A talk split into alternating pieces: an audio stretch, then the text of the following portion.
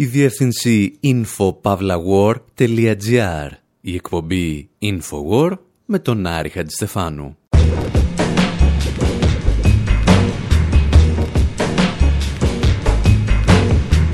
όπου σήμερα ξεφυλίζουμε ένα κόμικ γραμμένο εν πολλής στο κελί κάποιας φυλακής και χαμένο προς στιγμήν στα συρτάρια της αντιτρομοκρατικής υπηρεσίας. Διαβάζουμε μία pulp τραγωδία με τίτλο «Οθέλος» από τον Τάσο Θεοφίλου και την Χριστίνα Σίγμα, το κόμικ που μόλις κυκλοφόρησε από τις εκδόσεις Κάψιμι. Ακούμε μουσικές ιστορίες για πολιτικούς κρατούμενους που έγιναν συγγραφείς και συγγραφείς που κατέληξαν σε κάποιο κελί. Αφήνουμε τον David Bowie να τραγουδά για τον Ζαν Ζενέ και τους R.E.M. να μας εισαγάγουν στη φιλοσοφία του Μάρτιν Λούθερ Κίνγκ και του Νέλσον Μαντέλα, του κομμουνιστή τρομοκράτη Νέλσον Μαντέλα. Και όλα ξεκινούν από κάτι παλιές σελίδες στα κείμενα του Σέξπιρ, γραμμένες για μία δυσδεμόνα.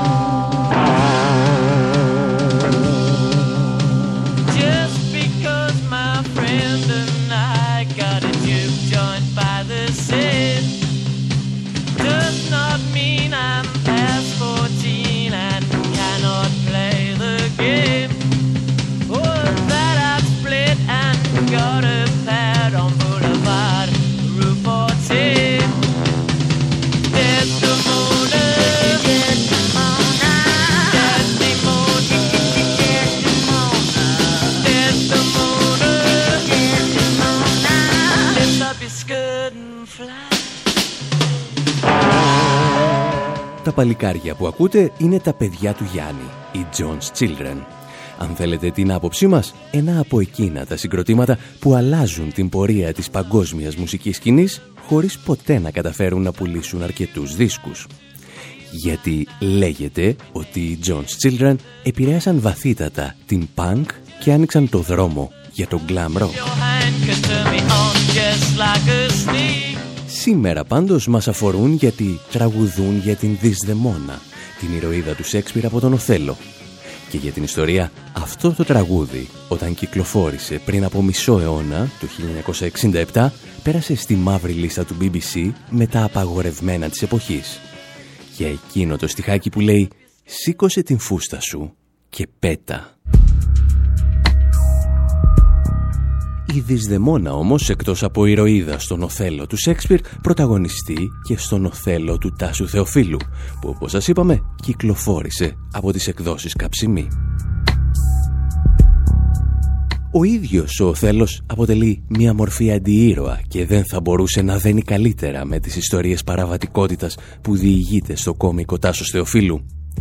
Και η Δυσδεμόνα όμως αποτελεί την ηρωίδα η οποία πληρώνει με τη ζωή της ανυπόστατες κατηγορίες. Κατηγορίες τόσο παράλογες και ατεκμηρίωτες που θα μπορούσαν να έχουν βγει από την παράλογη δικαστική περιπέτεια του δημιουργού της.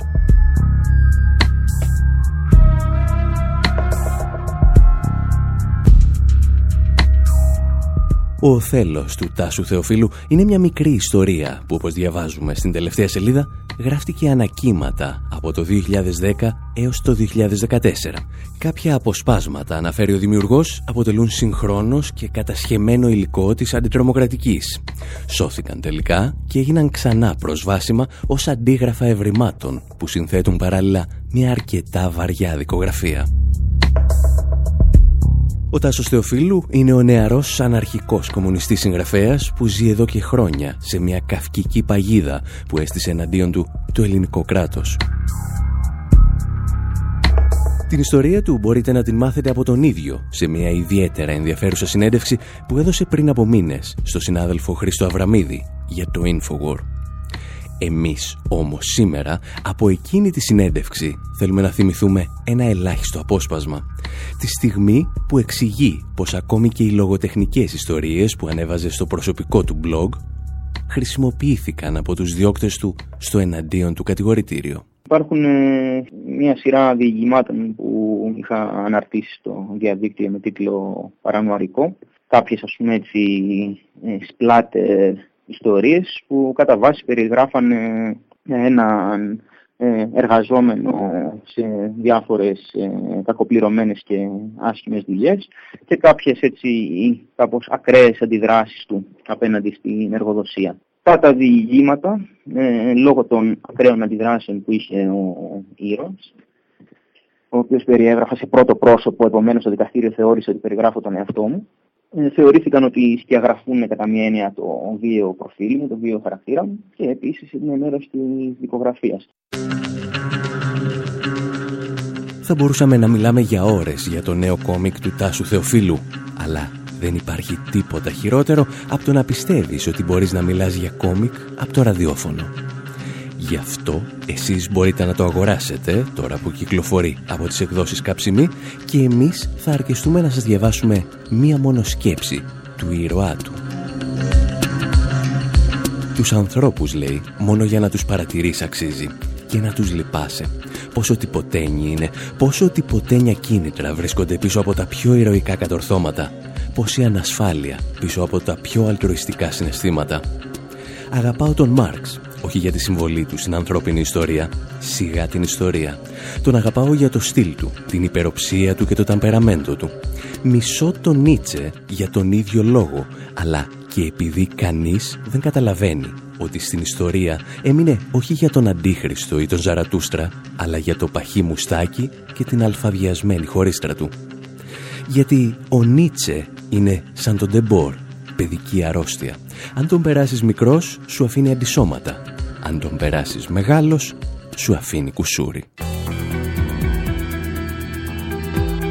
Εμείς πάλι σας αφήνουμε για λίγα λεπτά μόνους με τους Electric Litany να τραγουδούν για τον Τάσο Θεοφίλου και επιστρέφουμε με ιστορίες για καταραμένους συγγραφείς στις φυλακές του κόσμου.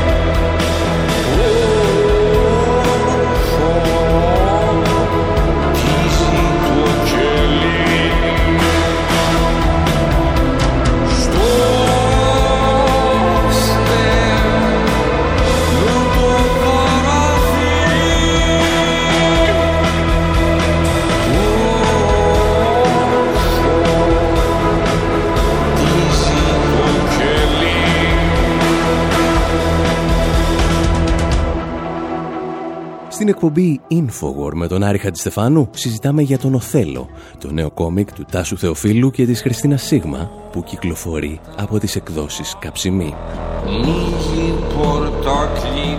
Και με αφορμή αυτό σκεφτήκαμε να σας πάμε μια μουσική βόλτα σε συγγραφείς που έγραψαν ορισμένα από τα αριστουργήματά τους πίσω από τα κάγκελα μιας φυλακής. Πάντα θα ξεκινάμε με ένα τραγούδι και θα διηγούμαστε μια μικρή ιστορία. Όπως εδώ,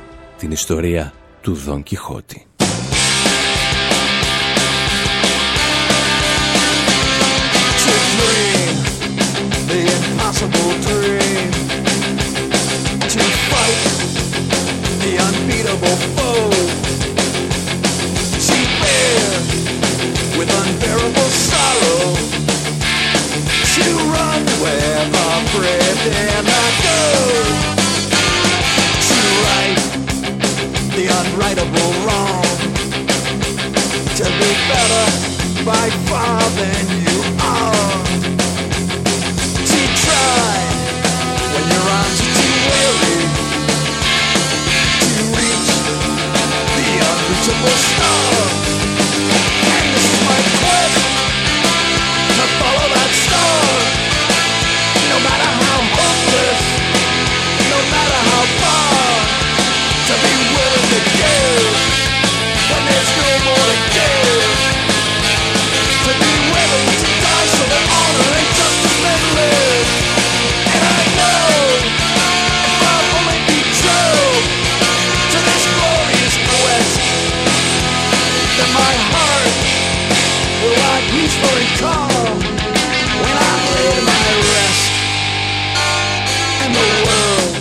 Mighty Mighty Boston's, μια παρέα από τη Μασαχουσέτη που ισορροπεί ανάμεσα στη ska και την punk σκηνή, τραγουδά για το Impossible Dream. Να ονειρευτείς, λέει, το άπιαστο όνειρο, να πολεμήσεις τον ανίκητο εχθρό, να σηκώσεις την ασήκωτη θλίψη, να τρέξεις εκεί που δεν τολμούν να πάνε ούτε οι πιο γενναίοι. Και όλα αυτά για να φτάσεις το άπιαστο αστέρι. Οι Mighty Mighty Bostons διηγούνται την ιστορία του Δον Κιχώτη, όπως την φαντάστηκε ο Θερβάντες και όπως την μετέτρεψαν μερικούς αιώνες αργότερα σε musical στο Broadway. Τότε που το Impossible Dream το τραγούδησε ο Πίτερο Τούλ στην γλυκιά του Δουλτσινέα, τη Σοφία Λόρεν.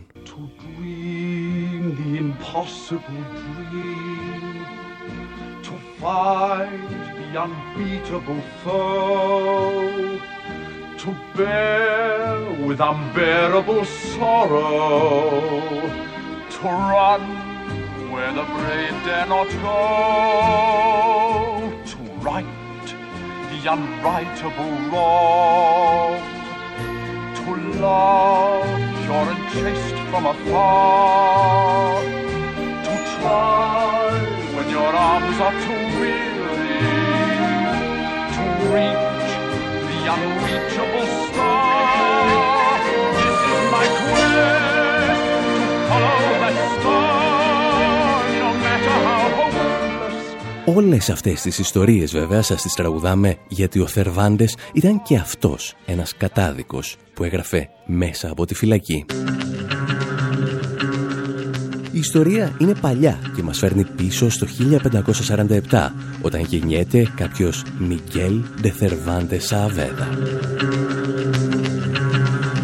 Ό,τι και αν μας μάθαιναν στο σχολείο για αυτό το τέρας της παγκόσμιας λογοτεχνίας, η αλήθεια είναι ότι ο Θερβάντες ήταν η ντροπή της αποτυχίας, τουλάχιστον για τα δεδομένα της εποχής του. Αρχικά απέτυχε ως ποιητής και ύστερα απέτυχε ως θεατρικός συγγραφέας. Στη συνέχεια πίστεψε ότι θα μπορούσε να μπει και αυτός στην αυλή του βασιλιά για να βγάλει τα προστοζήν. Αλλά εκείνη ακριβώς τη στιγμή τον πήραν φαντάρο. Η μοίρα τον φέρνει στην Ελλάδα να πολεμήσει τους Οθωμανούς στην αυμαχία της Ναυπάκτου. Το αριστερό του χέρι αχρηστεύεται στη μάχη και τώρα πρέπει να αναζητήσει και πάλι μια νέα καριέρα πιστεύει προς στιγμήν ότι μπορεί να γίνει φοροεισπράκτορας, αλλά συλλαμβάνεται και φυλακίζεται για αυτό που σήμερα θα αποκαλούσαμε δημιουργική λογιστική. Και σε αυτό το κελί της φυλακής λέγεται ότι ο Θερβάντες συνέλαβε την ιδέα του Δον Κιχώτη. Για την ιστορία, όταν αποφυλακίζεται, αποφασίζει να ασχοληθεί με το εμπόριο μαζί με τον αδερφό του. Το πλοίο του όμως πέφτει στα χέρια των Τούρκων, οι οποίοι τους πουλάνε για σκλάβους στην Αλγερία. Και η οικογένειά του θα χρειαστεί έξι χρόνια για να τον ξανααγοράσει. Το βασικό πρόβλημα του Θερβάντες βέβαια δεν ήταν η άδικη αυτή του μοίρα, αλλά ότι ήταν ελαφρώς μπροστά από την εποχή του. Για την ακρίβεια, όταν η Ισπανία ζούσε τις τελευταίες λαμπρές ημέρες της φεουδαρχίας, ο Θερβάντες ήταν ο πρώτος καπιταλιστής συγγραφέας. Αντί να κυνηγά χορηγίες ευγενών, νόμιζε ότι μπορεί να επιβιώσει μόνο από τα έσοδα των βιβλίων του. Το πρόβλημα βέβαια με το να είσαι καπιταλιστής πριν από την ανακάλυψη του καπιταλισμού είναι ότι αυξάνεται αισθητά η πιθανότητα να πεθάνει στην ψάθα. Και αυτό ακριβώς συνέβη το μοιραίο πρωινό της 23ης Απριλίου του 1616, την ίδια ημέρα δηλαδή που πέθανε και ο Σέξπιρ. Ο Θερβάντες έγραψε το Δον Κιχώτη σε μία από τις πιο ασταθείς περιόδους της ισπανικής ιστορίας, όταν μία τάξη στίβονταν στα γρανάζια της ιστορίας χωρίς η επόμενη να έχει έρθει ακόμη στα πράγματα. Οι φεουδάρχες φεύγουν, αλλά η αστική τάξη δεν λέει να έρθει. Έτσι, ο Θερβάντες μένει μόνος του να πολεμά τους ανεμόμυλους του παλαιού καθεστώτος. Όταν η Αγγλία γνώριζε τον προτεσταντικό καπιταλισμό, αυτός πάλευε ακόμη με το φεουδαρχικό καθολικισμό. Ήταν όμως ένας γνήσιος επαναστάτης. Στα έργα του έδιωξε τους ευγενείς και τους υπότες και έφερε στο προσκήνιο τα μεσαία αλλά και τα κατώτερα στρώματα που ετοιμάζονταν να αναλάβουν νέους ιστορικούς ρόλους.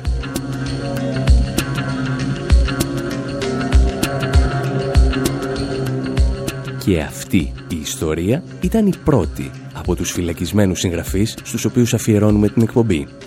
Πάντα με αφορμή το νέο κόμικ «Ο Θέλος» του Τάσου Θεοφίλου και της Χριστίνα Σίγμα που κυκλοφορεί από τις εκδόσεις Καψιμή. Και μην ξεχνάτε ότι μπορείτε να ακούσετε την δικαστική περιπέτεια του Τάσου Θεοφίλου στο infopavlawar.gr από τη συνέντευξη που είχε παραχωρήσει στον Χρήστο Αβραμίδη.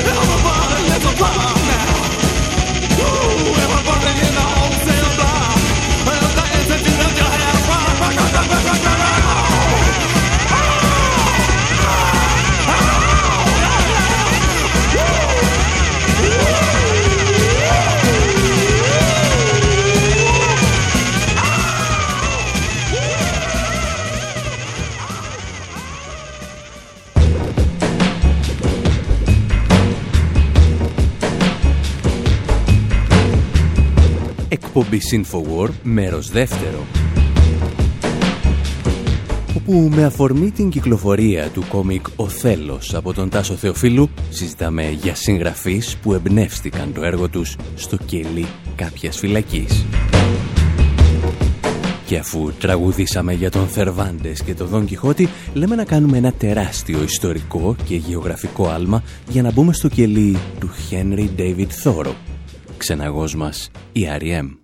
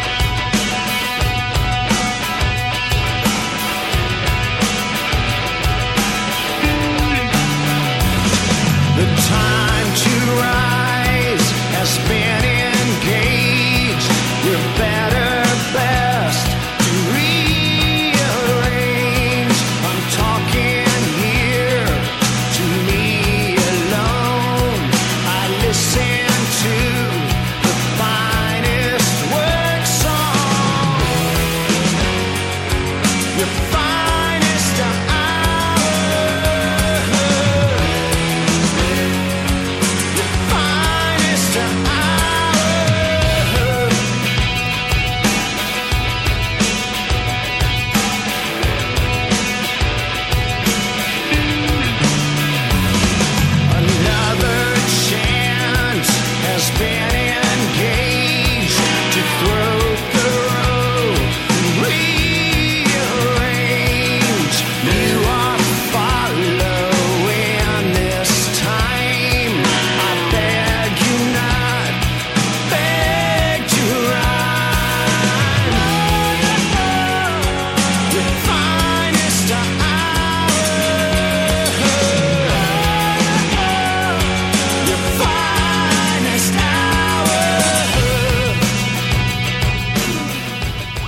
Οι R.E.M. τραγουδούν το The Finest Work Song, μιλούν για εξεγέρσεις και πετάνε στην κουβέντα και τον Αμερικανό φιλόσοφο Henry David Thoreau, τον συγγραφέα που υποστήριξε το δικαίωμα πολιτικής ανυπακοής απέναντι σε ένα άδικο κράτος.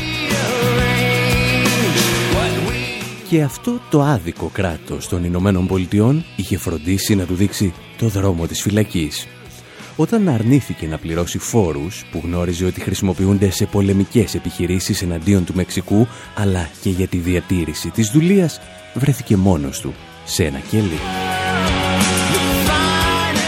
Η αλήθεια βέβαια είναι ότι δεν έμεινε εκεί ούτε για 24 ώρες αφού ένας συγγενής του πλήρωσε τον φόρο και τον απελευθέρωσε παρά τη θέλησή του. Αυτές οι 24 ώρες όμως ήταν αρκετές για να αλλάξουν για πάντα τη σκέψη του Θόρο και να τον εμπνεύσουν να γράψει το σημαντικότερο βιβλίο του, την πολιτική ανυπακοή. Πρόκειται για το βιβλίο που σχεδόν έναν αιώνα αργότερα θα διάβαζαν τρεις άλλοι κρατούμενοι συγγραφείς, ο Μαχάτμα Γκάντι, ο Μάρτιν Λούθερ Κίνγκ και ο Νέλσον Μαντέλα.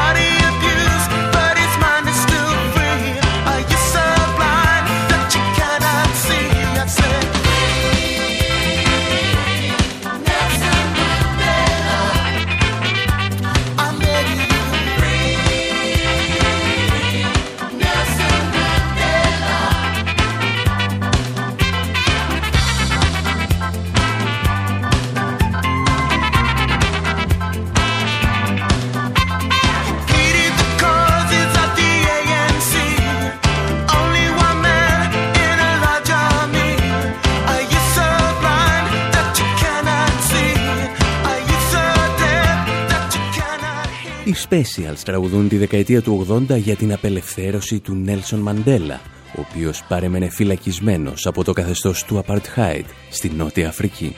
Ήταν η εποχή που σύσσωμος ο πλανήτης ζητούσε την κατάργηση ενός φιλοφασιστικού καθεστώτος. Αυτό δηλαδή που θα έπρεπε να κάνει και σήμερα για το καθεστώς Apartheid του Ισραήλ.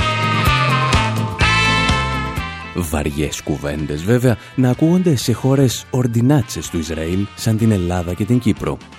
Χώρες, οι κυβερνήσεις των οποίων καταψήφισαν ακόμη και το μετριοπαθές κείμενο της UNESCO εναντίον της Ισραηλινής κατοχής Παλαιστινιακών εδαφών. Ο Μαντέλα που λέτε, ήδη από τα τέλη της δεκαετίας του 40, είχε αφιερώσει τη ζωή του απέναντι στο καθεστώς του Απαρτχάιντ η επίσημη ιστορία θα επιχειρήσει να τον καταχωρήσει στα κοιτάπια της σαν έναν ακόμη απόστολο της μη βίας. Η πραγματικότητα όμως απέχει μερικές χιλιάδες έτη φωτός. Ήδη από τη δεκαετία του 50, εκτός από τον Θόρο, τον βρίσκουμε να διαβάζει και να ξανά διαβάζει τα κείμενα του Μάρξ, του Λένιν αλλά και του Μάο. Το 1961 θα συνεργαστεί με το Κομμουνιστικό Κόμμα της Νότιας Αφρικής για να δημιουργήσουν μαζί την οργάνωση Umkonto Vesize, ουσιαστικά το στρατιωτικό σκέλος του Αφρικανικού Εθνικού Κογκρέσου. Και μέσα από αυτό θα ξεκινήσει ένοπλο αγώνα απέναντι σε ένα από τα πιο αυταρχικά και αιμοσταγή καθεστώτα του πλανήτη. Και έτσι θα καταλήξει και αυτός φυλακισμένος συγγραφέας να γράφει την αυτοβιογραφία του με τίτλο «Συζητήσεις με τον εαυτό μου».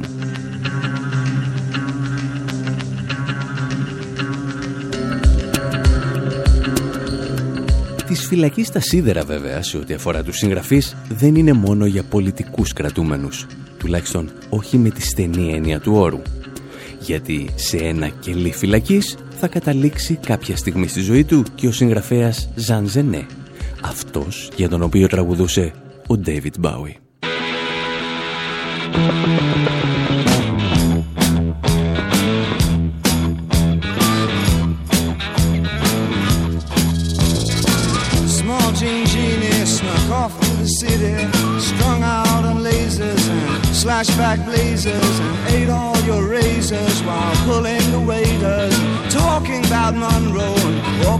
Snow White. New York's a go-go and everything tastes nice. Poor little greenie.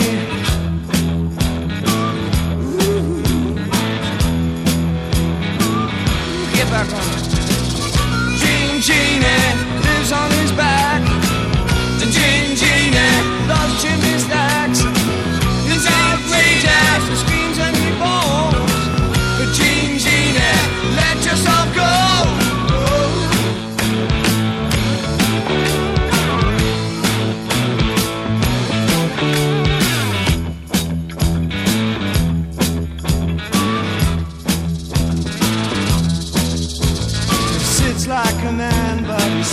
like a reptile. She love him, she love him, but just for a short while. She'll scratch in the sand, won't let go his hand. He says he's a beautician, sells you nutrition, keeps all your dead hair for making up underwear.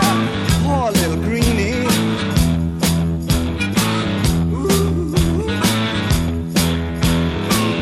Gene Genie lives on his back.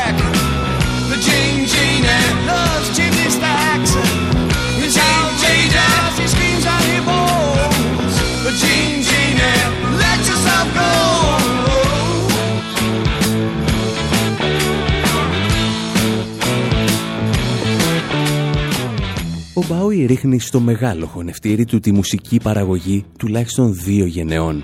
Αναμειγνύει στοιχεία της R&B με στίχους που θυμίζουν Velvet Underground, μουσικά δάνεια από τον Iggy Pop και ατάκες από τις οποίες πήραν στη συνέχεια το όνομά τους συγκροτήματα όπως η Simple Mind. Εμάς πάλι το τραγούδι μας ενδιαφέρει μόνο για τον τίτλο του, γιατί το Gin Gini αποτελεί μια έμεση αναφορά στον Ζαν Ζενέ. Ο Ζενέ, σε αντίθεση με άλλα μεγαθύρια της γαλλικής λογοτεχνίας, ήταν όσο πιο λούμπεν θα μπορούσε να φανταστεί κανείς. Κάπου εκεί, στα τέλη της δεκαετίας του 30, μπαινόβγαινε στις φυλακές για μικροεγκλήματα που ξεκινούσαν από κλοπές και επαιτία για να φτάσουν σε παραχάραξη εγγράφων. Εκείνα τα χρόνια όμως μέσα στη φυλακή θα γράψει και το πρώτο του ποίημα, το «Καταδικασμένο σε θάνατο».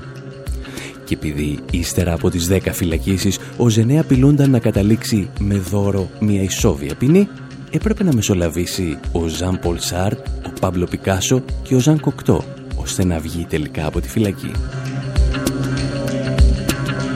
Το γεγονός βέβαια ότι ο Ζενέ δεν έμπαινε στη φυλακή για αμυγός πολιτικούς λόγους δεν μείωσε ποτέ τον αγώνα που έδινε ο ίδιος για άλλους πολιτικούς κρατούμενους. Μεταξύ άλλων στήριξε τα μέλη της οργάνωσης Φράξια Κόκκινο Στρατό στη Γερμανία, τον Ντανιέλ Κομπετίτ όταν ακόμη δεν ψήφιζε Μακρόν στις γαλλικές εκλογές, τον Γιασέρα Ραφάτ και την Άντζελα Ντέιβις. Και για αυτόν τον τελευταίο άγγελο συγγραφέα που βρέθηκε στη φυλακή θα αφήσουμε να μας πούν δύο κουβέντες οι Rolling Stones.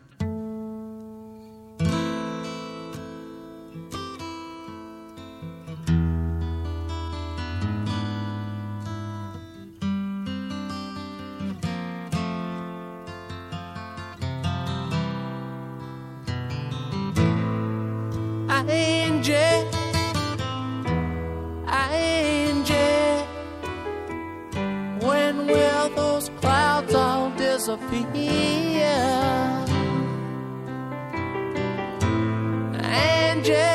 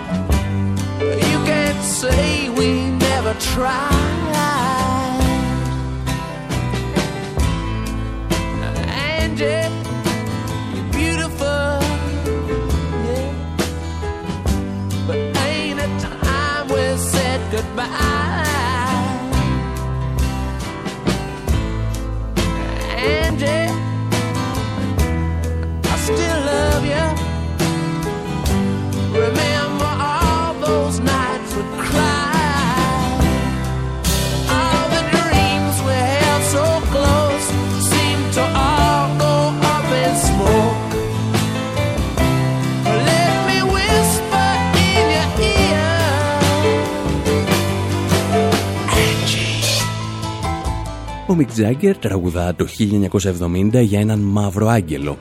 Έχω λέει τη φωτογραφία του στο δωμάτιό μου, αλλά δεν είναι ούτε τραγουδιστής, ούτε αστέρας του κινηματογράφου. Ο μαύρος άγγελος ήταν η Άντζελα Ντέιβις, ένα από τα πιο μαχητικά στελέχη της αμερικανικής γενιάς του 68.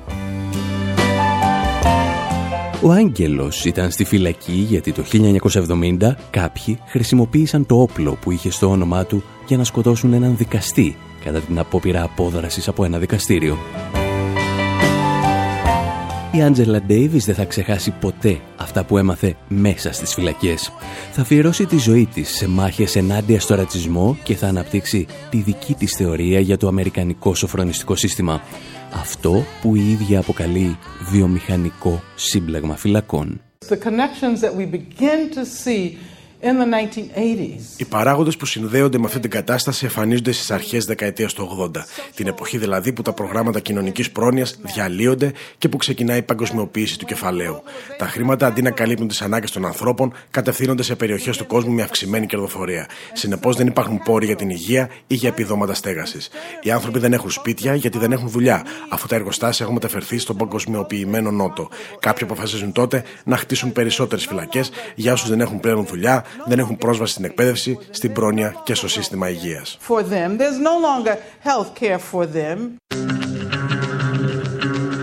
Οι ιστορίες των φυλακισμένων συγγραφέων μας επαναφέρουν διαρκώς την εικόνα του πολιτικού κρατούμενου, όπως στην περίπτωση της Άντζελα Ντέιβις. Οι λόγοι βέβαια για τους οποίους συνήθως καταλήγει στη φυλακή είναι πάντα με κάποιο τρόπο πολιτική. ακόμη και αν συζητάμε για τη φυλακή που γνώρισε ο Όσκαρ Βάιλντ.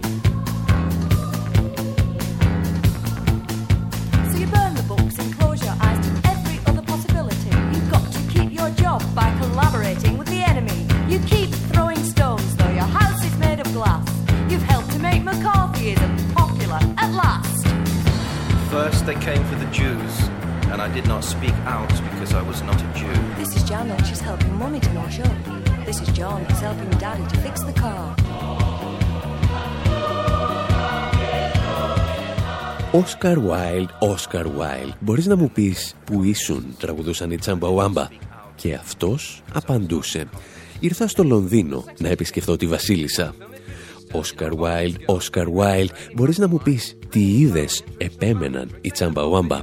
Είδα τη Βασίλισσα και τους αυλικούς της να γράφουν νέους νόμους, απαντούσε αυτός. Το τραγούδι των Τσαμπαουάμπα γράφτηκε για το περίφημο άρθρο 29 που προώθησε η Μάργαρετ Θάτσερ με στόχο να ποινικοποιήσει την προώθηση της ομοφιλοφιλίας. Και φυσικά οι Τσαμπαουάμπα θυμήθηκαν τον Όσκαρ Βάιλντ, ο οποίος βρέθηκε στη φυλακή για αυτή του ακριβώς τη σεξουαλική επιλογή.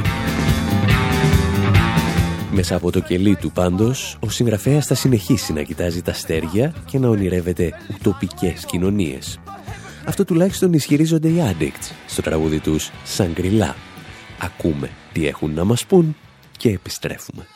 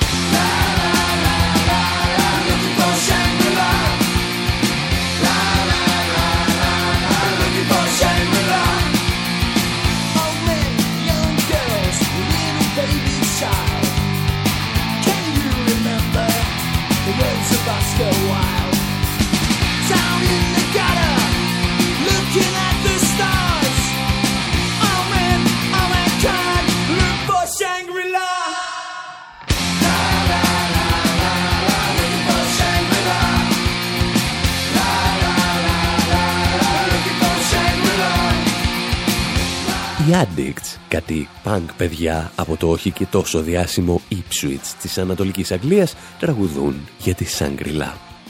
Όπου Σαγκριλά ήταν μια μυθική ουτοπία βγαλμένη από το βιβλίο του James Hilton «Χαμένος ορίζοντας». Κι αν εσείς την γνωρίσατε όχι από τη λογοτεχνία αλλά από τις εκπομπές του Λιακόπουλου, απλώς ακούτε λάθος εκπομπή. Αυτό που εμάς ενδιαφέρει από το συγκεκριμένο τραγούδι, όπως είπαμε, είναι ότι οι Addicts φαντάζονται τον Orson Welles μέσα στο κελί της φυλακής του να κοιτάζει τα αστέρια, αναζητώντας και αυτός, όπως λένε, τη Σάγκριλά. Μόνο που η ιδανική κοινωνία στην οποία πίστεψε κάποια στιγμή ο Orson Welles δεν είχε τίποτα το μεταφυσικό. Δεν θύμιζε ούτε το Θιβέτ, ούτε κάποια άλλη θρησκεία στην οποία πιστεύουν οι απόγονοι της Βικτοριανής Αγγλίας. Η ιδανική κοινωνία του Orson Welles θα ήταν σοσιαλιστική ή κομμουνιστική. Τα εξηγούσε ο ίδιος στο βιβλίο του «Η ψυχή του ανθρώπου στο σοσιαλισμό». Από που και το απόσπασμα που επιλέξαμε για εσάς. Στο σοσιαλισμό όλα θα αλλάξουν. Δεν θα υπάρχουν άνθρωποι να ζουν σε δυσόδη κρυσφύγετα φορώντα δυσόδη κουρέλια. Δεν θα μεγαλώνουν άρρωστα, πεινασμένα παιδιά σε απάνθρωπες συνθήκες και αποκρουστικό περιβάλλον. Ο σοσιαλισμός, ο κομμουνισμός ή όπως θέλει να τον ονομάσει κάποιος, θα μετατρέψει την ιδιωτική περιουσία σε δημόσιο πλούτο. Θα αντικαταστήσει τον ανταγωνισμό με τη συνεργασία. Θα επαναφέρει την κοινωνία στην κανονική της κατάσταση ενός υγιούς οργανισμού. Θα εξασφαλίσει την ηλική ευημέρεια κάθε μέλους της κοινότητας. Το γιατί ατάκες σαν κι αυτές δεν περιλαμβάνονται στα γνωστά τσιτάτα και τα αποφθέγματα που συνήθως κυκλοφορούν για τον Όσκαρ Βάιλ είναι μάλλον προφανές. Η σύγχρονη δεξιά θέλει να τον θυμάται απλώς σαν ένα bon vivant με εξαιρετική αίσθηση του χιούμορ, έναν άνθρωπο της δικής της τάξης. Κάποιοι πάλι στην αριστερά συνειδητοποιούν ότι αν αναπαράξουν τα σημαντικά αποφθέγματα του μπουρζουά Όσκαρ Βάιλ, ο κόσμος θα καταλάβει ότι οι ίδιοι δεν ανήκουν πλέον στην αριστερά. Έλεγε, λόγου χάρη ο Ιρλανδός συγγραφέας, το να συστήνουμε στους φτωχούς λιτότητα είναι τόσο χονδροειδός γελίο όσο και υβριστικό. Η πρόοδος, συμπληρώνε, επιτυγχάνεται μέσα από την ανυπακοή και την επανάσταση. Στο βιβλίο του «Η ψυχή του ανθρώπου στο σοσιαλισμό», ο Όσκαρ Γουάιλ κήρυσε τον πόλεμο σε αυτό που οι ανώτερες τάξεις αποκαλούσαν αλτροϊσμό περισσότερο από οποιονδήποτε άλλο, μισούσε τη φιλανθρωπία που στεκόταν στα συμπτώματα ενός προβλήματος, συσκοτίζοντας τα πραγματικά αίτια. Επιχειρούν να λύσουν το πρόβλημα της φτώχειας λόγου χάρη φροντίζοντας να διατηρήσουν ζωντανούς τους στοχούς ή στην περίπτωση μιας πολύ προηγμένης σχολής φροντίζοντας να ψυχαγωγούν τους στοχούς. Κάτι τέτοιο όμως δεν αποτελεί λύση. Είναι μια επιδείνωση του προβλήματος. Ο ορθός στόχος είναι να επιχειρήσουν να νοικοδομήσουν την κοινωνία σε τέτοια βάση ώστε η φτώχεια να είναι πια κάτι αδύνατο. Και οι αρετές του αλτρουισμού έχουν πραγματικά εμποδίσει την πραγμάτωση αυτού του στόχου. Και όταν ο Όσκαρ Βάιλ μιλούσε για επανάσταση και παρουσίαζε τις ιδέες του για το σοσιαλισμό, έφτανε συχνά στα χωράφια της αναρχίας. Το 1886 ήταν ο μόνος λογοτέχνης που υπέγραψε την επιστολή του Μπέρναρ Σό για την απελευθέρωση των αναρχικών που είχαν συλληφθεί στην Πρωτομαγιά της ίδιας χρονιάς στην εξέγερση του Haymarket στο Σικάγο. 1350 αστυνομικοί εφοδιασμένοι με οπλοπολιβόλα είχαν παραταχθεί τότε απέναντι σε συγκεντρωμένους εργάτες. Όταν ο επικεφαλής της αστυνομικής δύναμης διέταξε να διαλυθεί η συγκέντρωση, μία βόμβα έσκασε κοντά στους αστυνομικούς, οι οποίοι άρχισαν να πυροβολούν και να χτυπούν τους συγκεντρωμένους χωρίς καμία διάκριση. Οκτώ συλληφθέντες διαδηλωτές δικάστηκαν, τέσσερις εξ αυτών καταδικάστηκαν σε θάνατο και εκτελέστηκαν και ένας ακόμη αυτοκτόνησε. Και ο Όσκαρ Βάιλ ήταν έτοιμος να τους υπερασπιστεί μόνος ανάμεσα σε συναδέλφους λογοτέχνες και στην ίδια του την τάξη. Ήξερε βλέπετε όλους τους τρόπους με τους οποίους μπορούσες να εξοργήσεις τη δική σου τάξη. Με ιστορίες σαν και αυτές όμως, με φυλακισμένους συγγραφείς, θα σας αφήσουμε και για αυτή την εβδομάδα. Αφορμή για την εκπομπή ήταν η κυκλοφορία του κόμικ «Ο Θέλος» του Τάσου Θεοφίλου που θα βρείτε στις εκδόσεις Καψιμή. Από τον Άρη Χατζηστεφάνου στο μικρόφωνο και τον Δημήτρη Σταθόπουλο στην τεχνική επιμέλεια, γεια σας και χαρά σας. Hello, I'm Johnny Cash.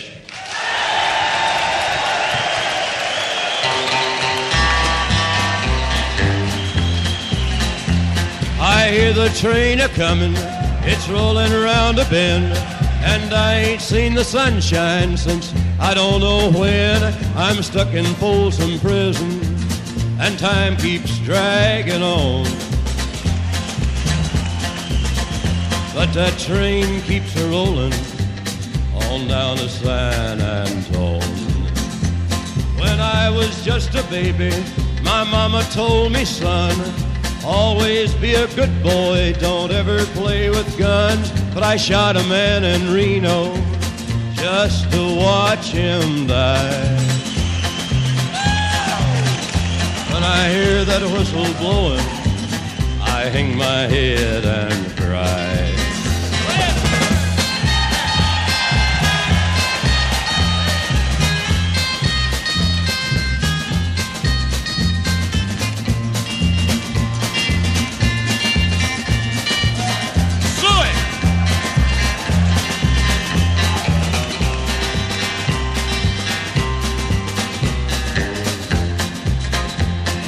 There's rich folks eating from a fancy dining car.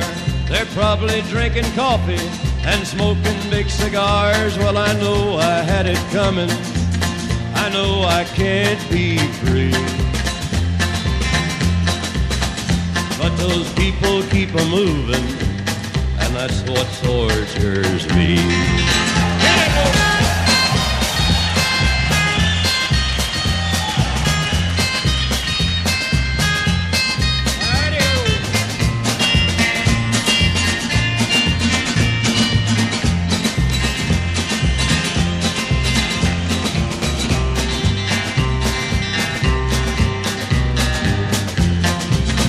Well, if they freed me from this prison, if that railroad train was mine, I bet I'd move it on a little farther down the line. Far from Folsom Prison, that's where I want to stay. And I'd let that lonesome whistle blow my blues away.